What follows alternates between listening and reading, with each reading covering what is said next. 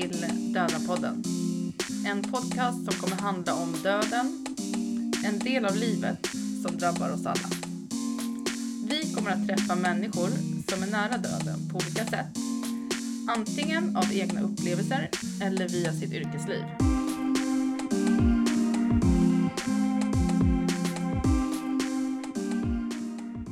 Hej igen! Välkomna tillbaks Dödenpodden. Vi har spelat in den sista intervjun för våren. Snart är det sommarlov. Och vår sista gäst för säsongen är Alexandra Sass. Och vi ska inte prata om människor som dör idag, utan vi ska prata om att förlora människor genom relationer som dör. Till exempel hur man hanterar en, ett brustet hjärta, eh, vänskapsrelationer som dör ut i sanden. Ja, det ska bli intressant. Hoppas ni finner det lika intressant som vi gjorde. Varsågoda!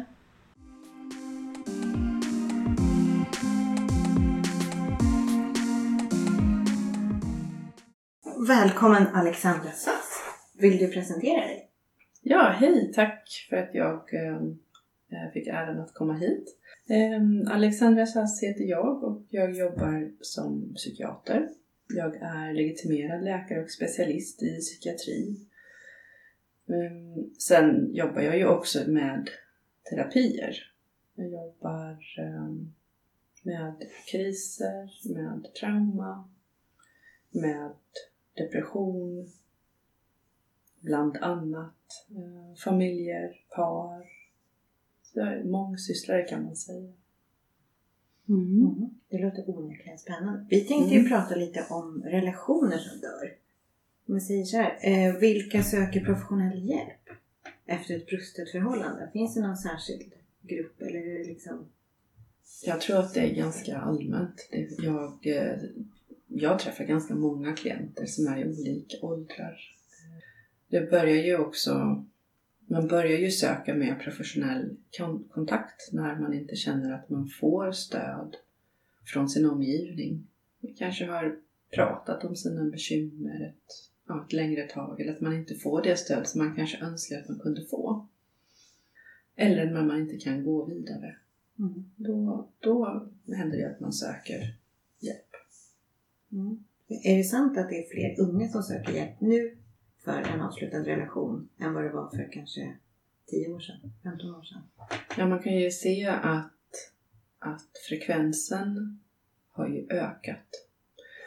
Sen kanske det fortfarande är så att man söker för, för samma saker. Man har blivit lämnad eller det har varit svårt helt enkelt att eh, få en relation att fungera av olika skäl.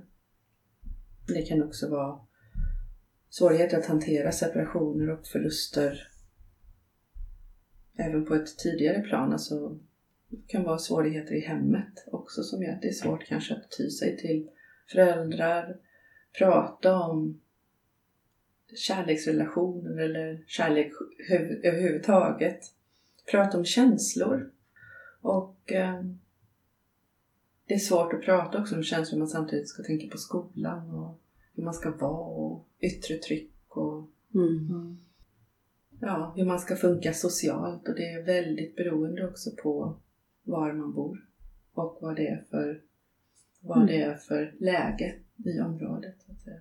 Menar du olika socioekonomiska områden eller menar du landsbygd och städer? Eller det kan vara både och. Det kan vara både och? Ja. ja precis. Och en vana också hur man pratar mm. om känslor.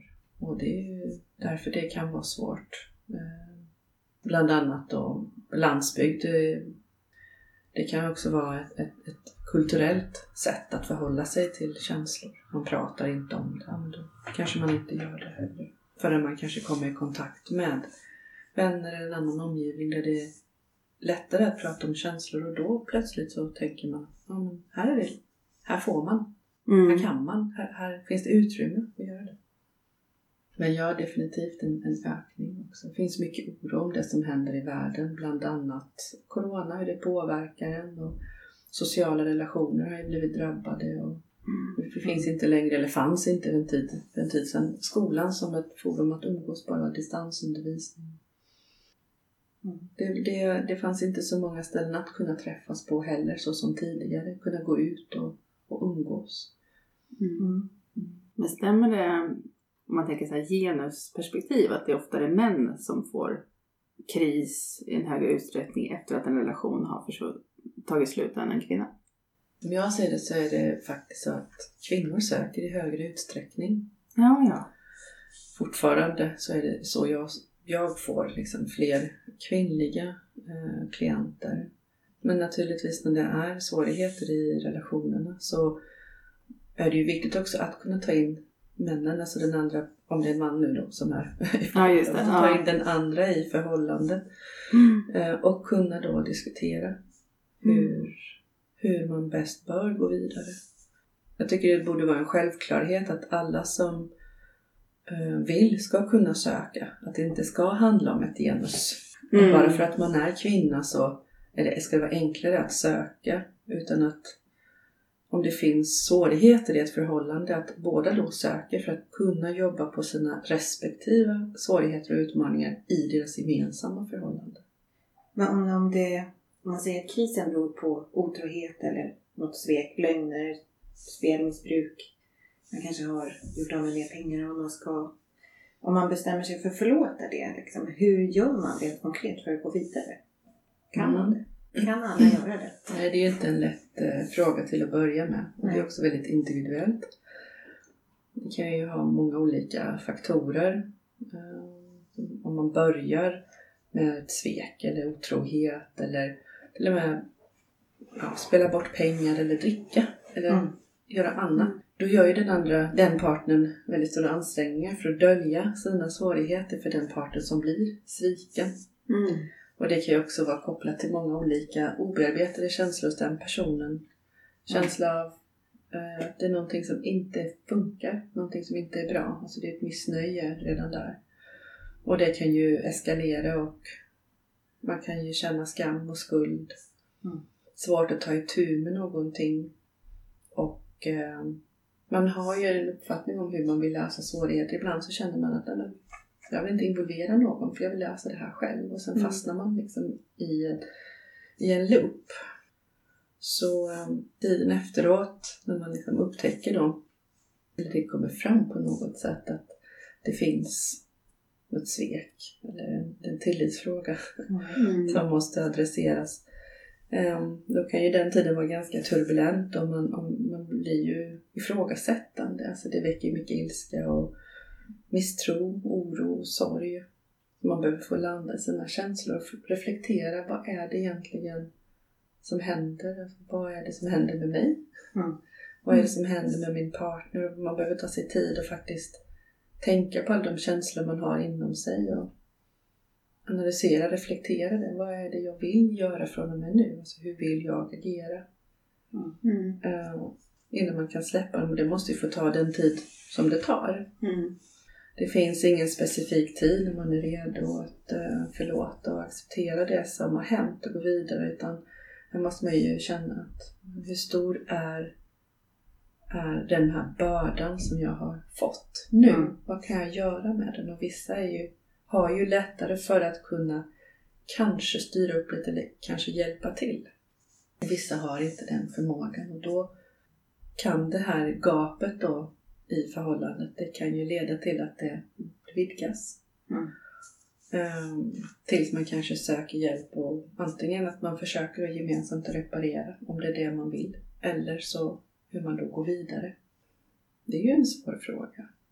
Det är en jättestor fråga. Jag är fullt medveten om det. Jag tror många aspekter är samma. För jag tänker också att ett svek att bli, alltså att bli bedragen om ens partner är otrogen med en annan människa. Mm det blir ju mer ett personligt liksom, svek än om den personen har ett missbruk. Om man blir spelmissbrukare eller om man börjar dricka för mycket och det eskalerar. Det blir någonstans, då har ju parten mer svikit sig själv. Ja, det handlar ju också om det här misstaget då, om man ska kalla sig det, mm. misstag då. Om det är engångstillfälle, om det är liksom ett notoriskt beteende. Mm.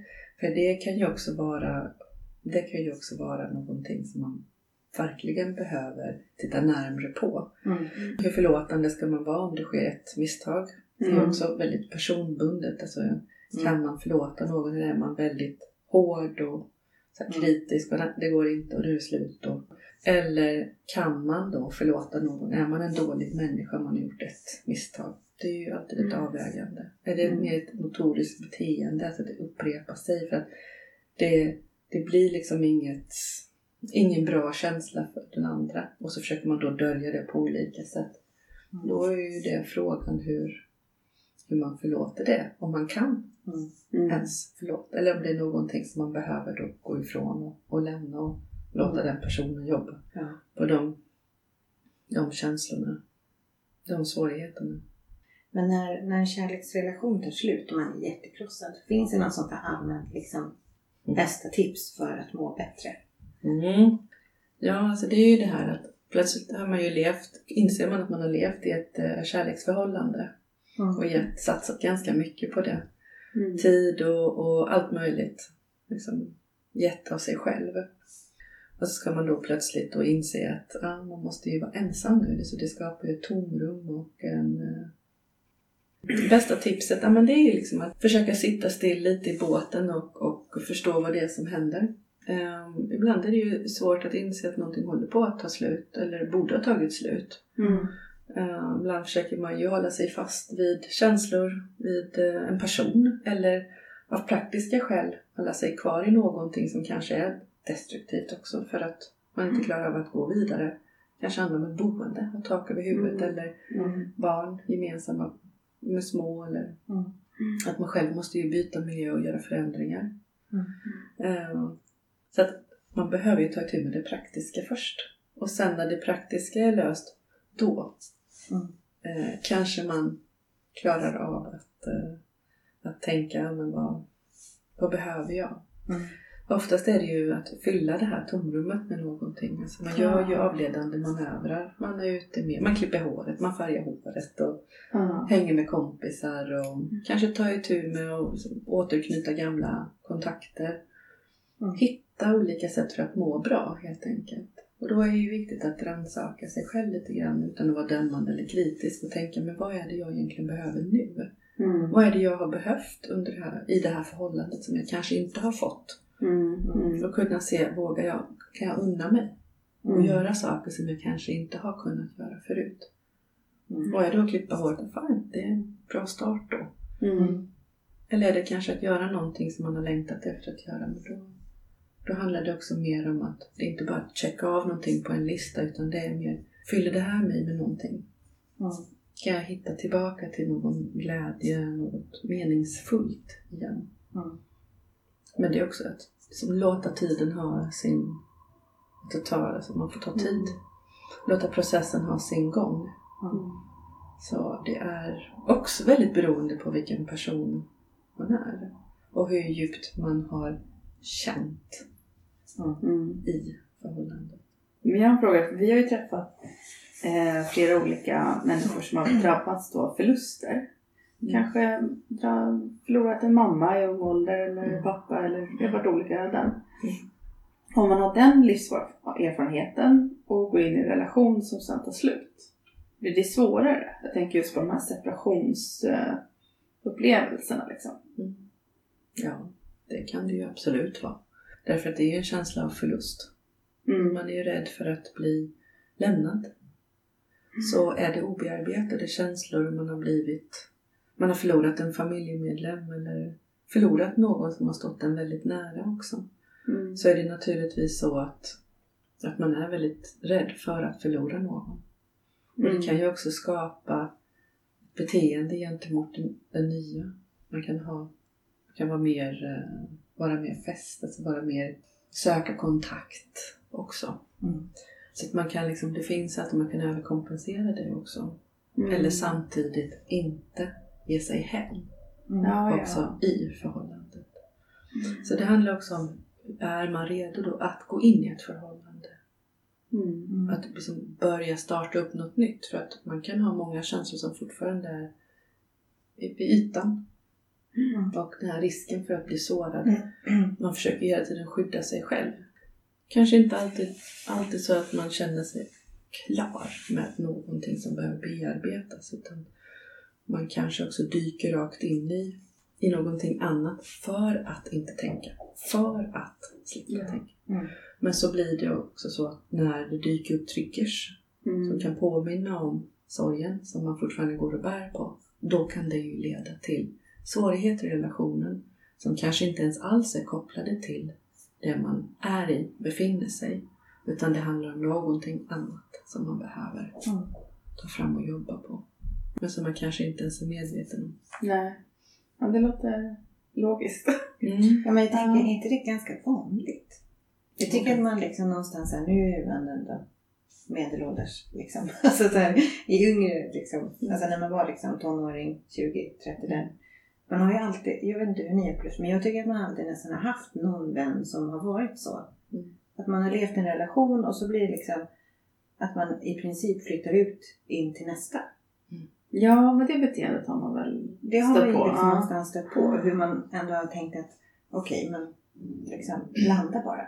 Alltså, Ja. landa bara. Mm. Bo hemma hos sina föräldrar i, i ett år eller någonting. Alltså liksom bo själv, vara ensam. För att det, måste det känns som att det borde vara jättevanligt att man lever i den här loopen. Att man bara går vidare och vidare och vidare. Mm. Det är väldigt vanligt. Ja. Folk är ju väldigt rädda, oftast för att vara ensamma. Mm. eh, och känna ensamhet. Alltså det är mycket rädslor kring det. Även när jag träffar äldre människor så är det ju precis det det här handlar om. Att, Mm. Ja, att inte kunna vara självständig eller saknad efter någon som man har levt ihop med i 45-50 år Mm. också. Mm. Så att det är inte bara unga utan det är äldre också. Mm. Och hur eh, när man börjar liksom tappa sina vänner också för att de går bort eller inte längre finns med eller på något sätt påverkar det mentalt att man inte längre Mm. kan ses. Mm. Så det är också förluster. Som nätet, det sociala nätet krymper runt en. Det handlar mer om en, en överlevnad också. Mm. Att kunna liksom klara sig varje dag. Vad ska jag hitta på nu? Ja, jag kanske kan kunna handla lite. Jag kanske kan sitta och prata lite med, med någon på något center som man hade tidigare när det var öppet och man kunde träffas med. Men nu är det ju extremt isolerat. Mm. Så nu är det många som ringer istället och söker kontakt på det sättet. Ringer och bara prata. Mm. Bara prata om saker som har varit Mm. livet generellt och hitta liksom fina, bra minnen Mm. igen. När, eh, det, det är ju vanligt som sagt att man bara vill gå vidare att det är för smärtsamt att stanna upp och känna efter. För då kan man ju inse andra saker också man kanske inte är redo att jobba Mm. med. Och man inte har varken tid eller lust för det är så mycket av det här praktiska man måste fixa med. Så att Mm. man har inte tiden att stanna upp. Men tror att det kan vara, alltså nu sidetrack, men kan det vara liksom en orsak till utmattning? Att man liksom någonstans, man springer bara på i det här ekorrhjulet och man känner inte efter och man vill liksom inte Mm. landa i vad ens egentliga behov är. Vad behöver jag egentligen? Mm. Utan man bara fortsätter. Mm. Det är väldigt intressant att, eh, att ha den, eh, den sidetracken faktiskt. För Mm. att väldigt mycket, vi påverkas ju av så mycket. Och det är inte alltid som vi stannar upp för att jobba med saker. Men det kan ju vara upplevelser av att inte vara tillräcklig. Mm. Man kan höra det från när man var liten. Eh, krav från skolan eller krav hemifrån. Mm. Eh, eller vad som andra är. Mm. Vad det nu är. Just det. Ehm, kanske ha haft ehm, få möjligheter i livet. Och ehm, alltid kämpat lite mer kanske. Alltså haft lite otur också Mm. Mm. med saker. Kanske också hamnat i, i, ehm, i ett arbetsliv med ehm, när man inte trivs. Kanske gör någonting som man har gjort tidigare men plötsligt behövt byta inriktning och göra någonting för ens överlevnads skull, alltså ekonomisk överlevnads skull. Mm. Man kanske inte tycker om det jobbet. Så många till exempel artister och, och underhålls som Mm. människor har ju behövt switcha om och göra någonting helt annat Mm. också.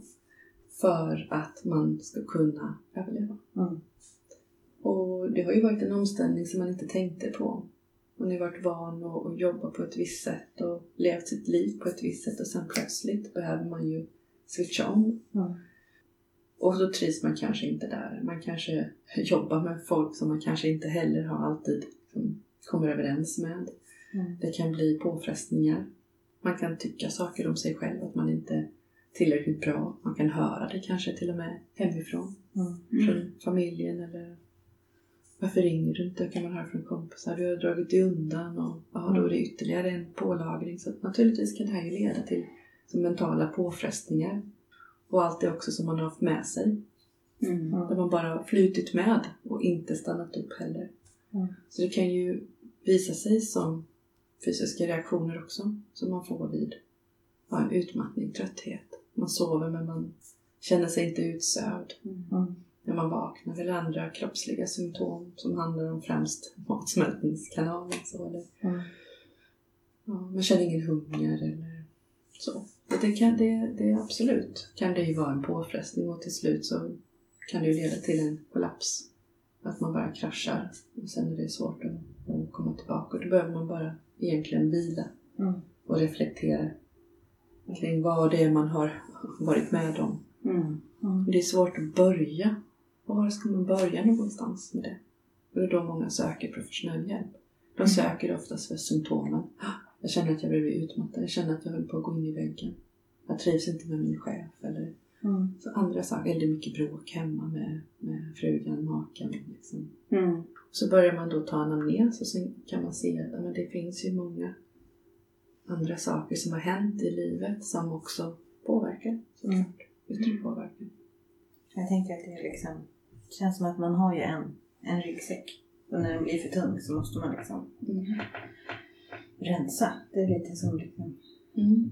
du måste rensa förrådet. Fysiskt också, ditt Precis. förråd hemma. Det måste ut liksom. Man ska inte spara på gammalt mm. skit tänkte jag säga. Mm. Skräp. Skräp. Ja. ja. Skräp. Men är det, kan folk söka sig till dig också för att de känner sorg för att de har levt för länge i en destruktiv relation? Att de vet någonstans att jag borde ha lämnat liksom, för flera Ja. år sedan. Och liksom, är det vanligt? ja, det är vanligt. Det är vanligt att de söker. Men oftast är det att de söker på grund av så, någonting annat Mm. också. Och sen, alla har ju inte sin frågeställning klar när de kommer utan den kommer ju så småningom när man kan och vågar Mm. Så ta fram det och lyfta det, att det är ett faktum. Det handlar ju om att bygga en tillit Mm. eh, till sin terapeut eller läkare.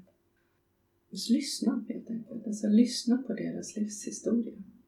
Inte bara ge så goda råd eller tips. Ja, men gör så här så blir allting bra. För att oftast är det inte så enkelt. Utan det här med att lyssna är väldigt viktigt. Mm. Och försöka förstå vad det är de vill ha hjälp med. Mm. För oftast kan, de, kan många komma och säga att men jag är deprimerad, jag behöver läkemedel Mm. för, för att må bättre. Och sen när man gräver vidare lite grann och så ser man att ah, men, man måste liksom tydliggöra bilden och så plötsligt ser man att det är något helt annat vi pratar om.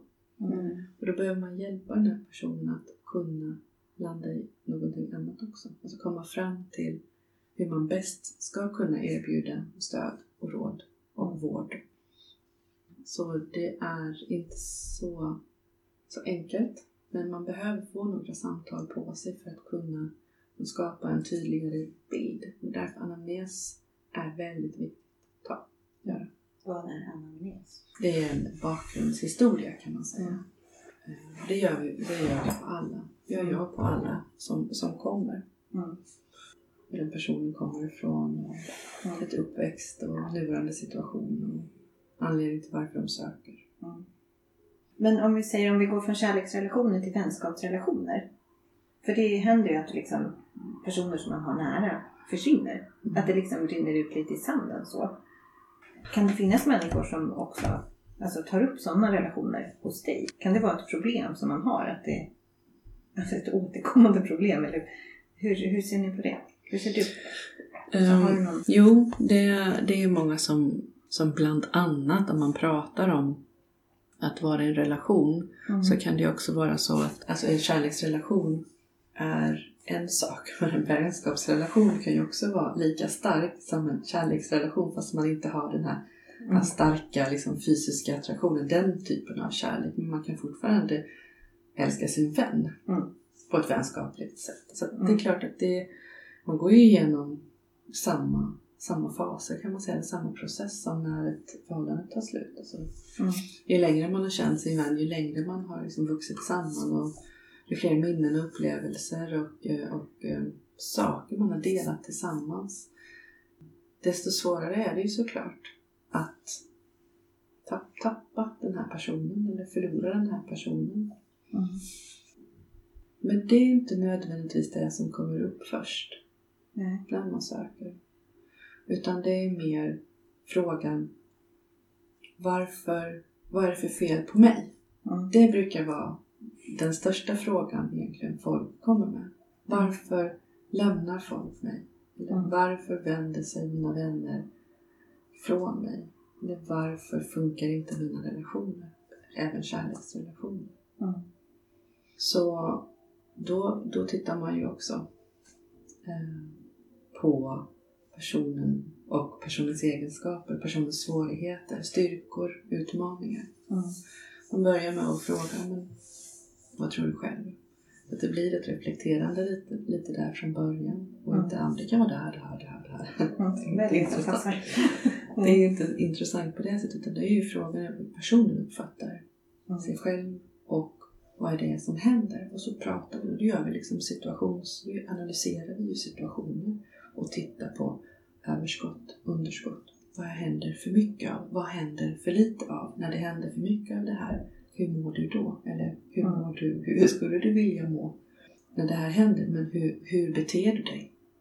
Så då gör man eh, analyser då på olika sätt och eh, prövar liksom. Hur skulle du vilja se det nu när du sitter här så man har lite periskopseende? Mm.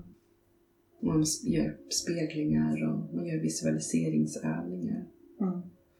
Och så kan man gå tillbaka då till den händelsen. Men nu ser du, det är så här, det är det här som händer. Ja, vad är det för känslor? Vad är det för reaktioner? Vad är det för tankar du får?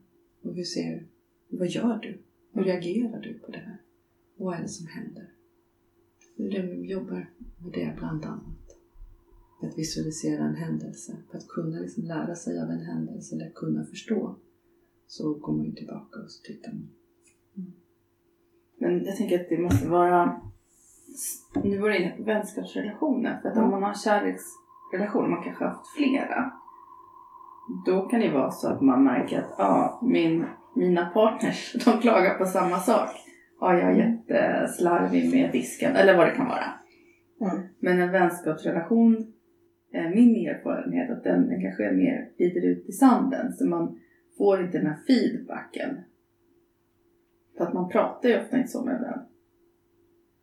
Så det måste bli svårare då att förstå. Men gud, vad, vad är det för tillkortakommanden jag har? Är jag... Ja, kanske man inte slarvar med en vän då, men liksom så. Mm. Det, som sagt, återigen, det, det, är väldigt fascinerande för att det beror ju alldeles på vad man är för slags person också. Vissa är ju mer eller mindre konflikträdda mm. och kanske inte ens vågar säga till någon. Alltså, även till en kompis om man ser att man har någonting mellan tänderna. Mm. så är det många som inte ens vågar säga till att du har någonting mellan tänderna. Mm. Liksom för att det inte ska bli skämmigt för den andra. När man går tillbaka till ett möte och ska ha, hålla ett föredrag och så ser man om det är, är det spenat eller broccoli mellan tänderna. Så det kan ju också vara svårt att kunna säga någonting som är värderande på något sätt. Mm. Så istället för att göra det så kanske man drar sig undan då. Mm. Och, lå och, och, låter en typ av vänskap rinna ut i sanden. Eh, och det, det är ju eh, beklagligt att det händer, att man inte vågar då prata med varandra. Att kunna hitta ett forum, en plats, en tid där man kan avsätta tid för att bara kunna göra sig mer förstådd med den andra. Det är mm. alltid lättast att undvika och fly undan. Och det handlar också om svårigheter man har med sig, hur man hanterar konflikter, mm. hur man hanterar sina känslor, vad det är som triggar. Mm. mm. Och drar man sig undan? Eller är det så att man kanske kan landa med att ja, man ska våga liksom prata med den här personen om det som jag upplever är tufft. Ja, men du städar ju inte. Tänk två kompisar som lever ihop och så är den ena som på studentlägenhet eller annat. Mm. För någon som aldrig städar och någon som alltid måste städa, det kan ju väcka otroligt mycket känslor naturligtvis. Mm. Och då är det väldigt viktigt att ha prata om det och upprätta regler för att man ska kunna bo ihop. Mm. Eller vara kompisar. Då kanske man behöver göra lite saker på den andras villkor också. Mm. Som relationer generellt. Ofta behöver du kompromissa. Ja, så liksom livet. Ja. man har ju liksom också ja. olika vänner mm. som jag har märkt i alla fall utifrån humör lite grann. Att när man är på ett visst humör då söker man sig till vissa typer av kompisar. Mm. mm. För att bara, ja men den här pratar jag kanske inte har lust att prata med den här men Stina och Anna, liksom, de pratar mycket och mm. de pratar om allt möjligt så det är kanske skönt att bara liksom få igång någonting så att man kan bli inspirerad, det kan väcka någonting. Mm. Och ibland kanske man söker någon annans sällskap också som är mer tyst och man kanske behöver prata lite mer själv och vara lite mer drivande för att man behöver sortera saker mm. och då kan komma fram till helt andra slutsatser. Så man behöver bli inspirerad av varandra också på olika sätt.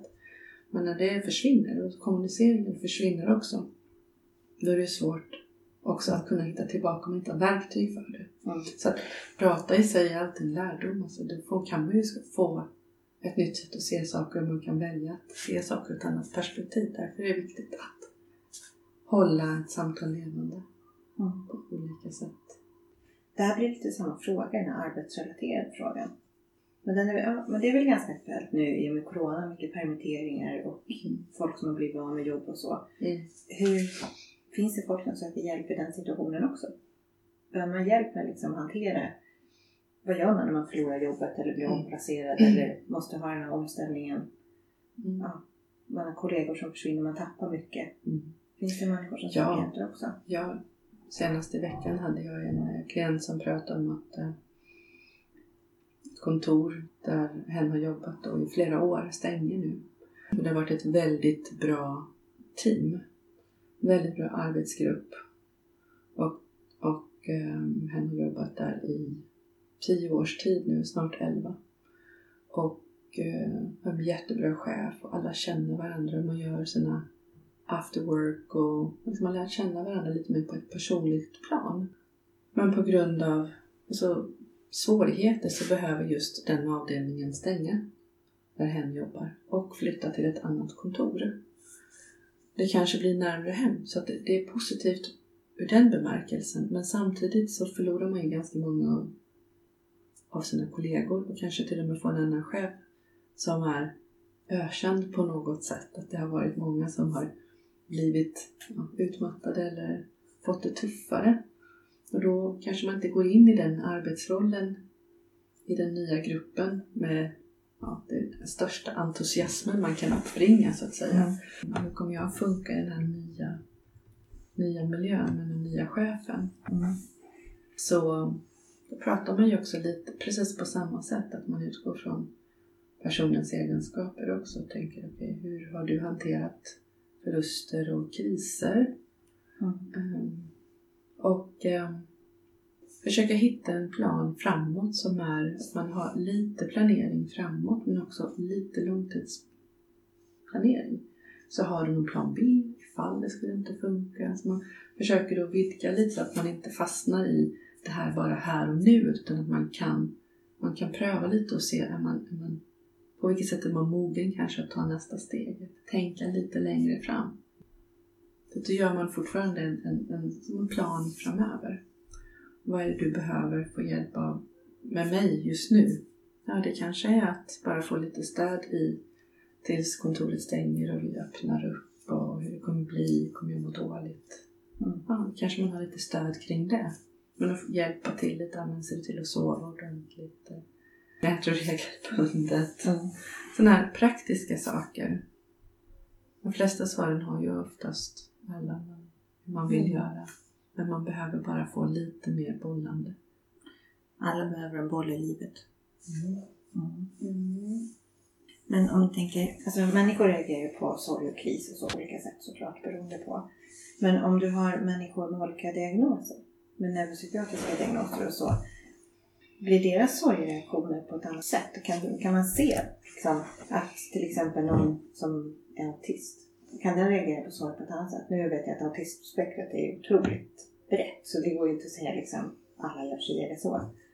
Men om de gör det, hur ser ni det? Mm. När det gäller till exempel, ehm, alltså, jag tror frågan också gäller personlighetsstörningar, Mm. alltså personlighetstillstånd Mm. skulle jag kalla det för. Och det finns ju, vi utreder ju personlighetstillstånd. Oftast är det ju emotionellt instabila personer som, som kan vara väldigt vårdsökande och vårdkrävande på ett sätt. För att det kan bli ganska överväldigande samtal. Det kan bli svåra och starka känsloutbrott som är svåra att styra. Det kan bli en impulsivitet också, ett utagerande. Det kan bli höjda röster och kritiskt dömande, hotande i samtalet. Men allt det handlar ju om deras egna rädslor och hur de vill skydda sig själva från att inte bli sårad. Äh, igen. Och det eh, behöver man ju ge dem respekt för att de känner så. Det är ju deras upplevelse, de äger ju den känslan, de känslorna. Men oftast är det mycket annat som styr de här turbulenta känslorna så man behöver ju gå igenom de här känslorna bit för bit i samtal och det är ju att göra så situationsanalyser då för att hjälpa individen med att förstå varför reaktionen kommer. Mm. Och eh, kunna identifiera triggers, vad som utlöser de här triggersen och hitta vägar till en läkningsprocess. För det är ju det att när man fortfarande har ett, ett, ska man säga, ett utagerande på något sätt, på olika sätt, det är att man inte har kommit igång med sin läkningsprocess. Det är jätteviktigt och nödvändigt arbete att kunna liksom identifiera var, var svårigheterna ligger och kunna jobba där med i, i, i stunden, i sessionen med dem. När det gäller individer då med neuropsykiatriska tillstånd, autism är ju ett eh, tillstånd men det kan ju också vara ADD eller ADHD. De tillstånden i sig kan ju göra att personerna kan ju vara, ha, ha impulsiva drag, eller svårigheter, utmaningar, konsekvenstänk och omdöme. Vad man får, vad man inte ska säga, hur man bör och inte bör vara i sociala sammanhang. Mm. Man tänker till exempel på autism eller autismspektrumtillstånd. Eh, Så kanske man kommer att tänka på den här filmen som man såg för många år sedan med Dustin Hoffman och Tom Rayman. Mm. Ja. Men det är exceptionellt sällsynt. Ja. Liksom. Han var nog, jag tror jag nog uppfyllde alla kriterierna. alla böcker. Men alla har ju inte det på det sättet. Utan det är ju en enorm variation på liksom, hur autism ser ut. Mm.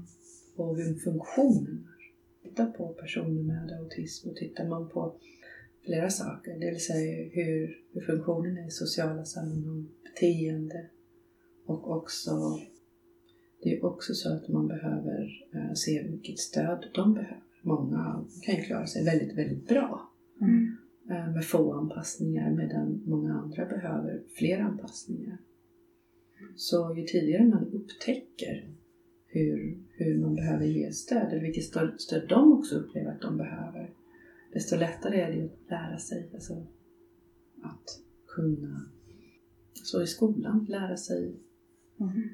i skolan och eh, ta del av arbete liksom, på deras villkor. Vissa har ju svårt till exempel med att förstå sociala koder.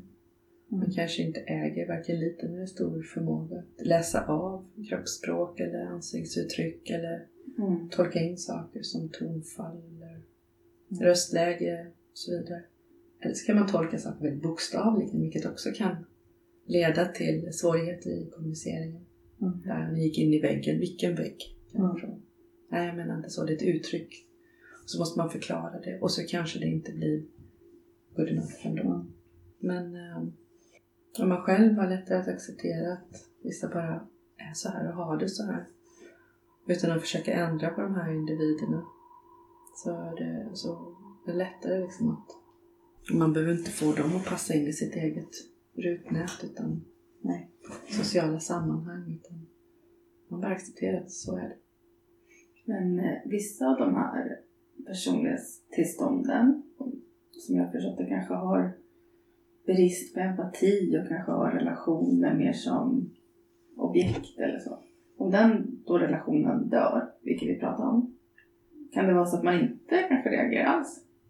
om personen som är oempatisk och ser personen som sina ägodelar gör slut med någon. Ja, det är kanske så jag menar. Då är det ju snarare mer intressant jag tror, jag tror snarare mer intressant hur den andra parten ser det, som har gått med på det här. Ja, ja. Att leva i ett förhållande där man inte får empati, eller sympati eller ses som en ägodel. Ja, det, det är en, en frågeställning. Mm. Mm. När jag träffar um, personer som har en kanske mer narcissistisk syn på, på livet. Mm. Uh, då har de otroligt stor empati för deras egna behov. Men kanske inte i stor utsträckning empati för partnerns behov. Nej, precis. Men kan de också hamna i den här krisen och sorgen om, om en, ett äktenskap tar slut? Det är svårt att svara på. Därför att det är kanske inte bara så att man är, man har narcissistiska drag. Kanske är det också så att man har någonting annat. Jag träffar inte så, så många med just där narcissistisk personlighetstillstånd är huvuddiagnosen. Nej. Utan då är det någonting annat också. Mm. Ehm, det kan ju ha komponenter med en, eh, kanske ett neuropsykiatriskt tillstånd. Mm.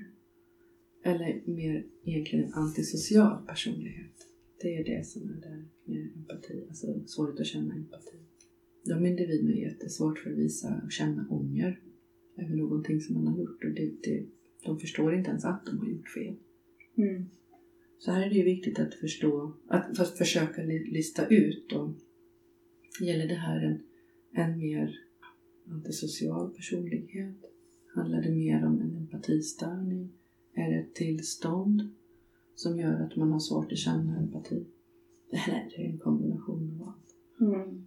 Oftast hittar man ju personerna kanske mer inom rättspsykiatrin än just psykiatrin. Mm. Jag jobbar ju inte med dem, men, eh, men de finns nog att hitta i en annan del av, av psykiatrin.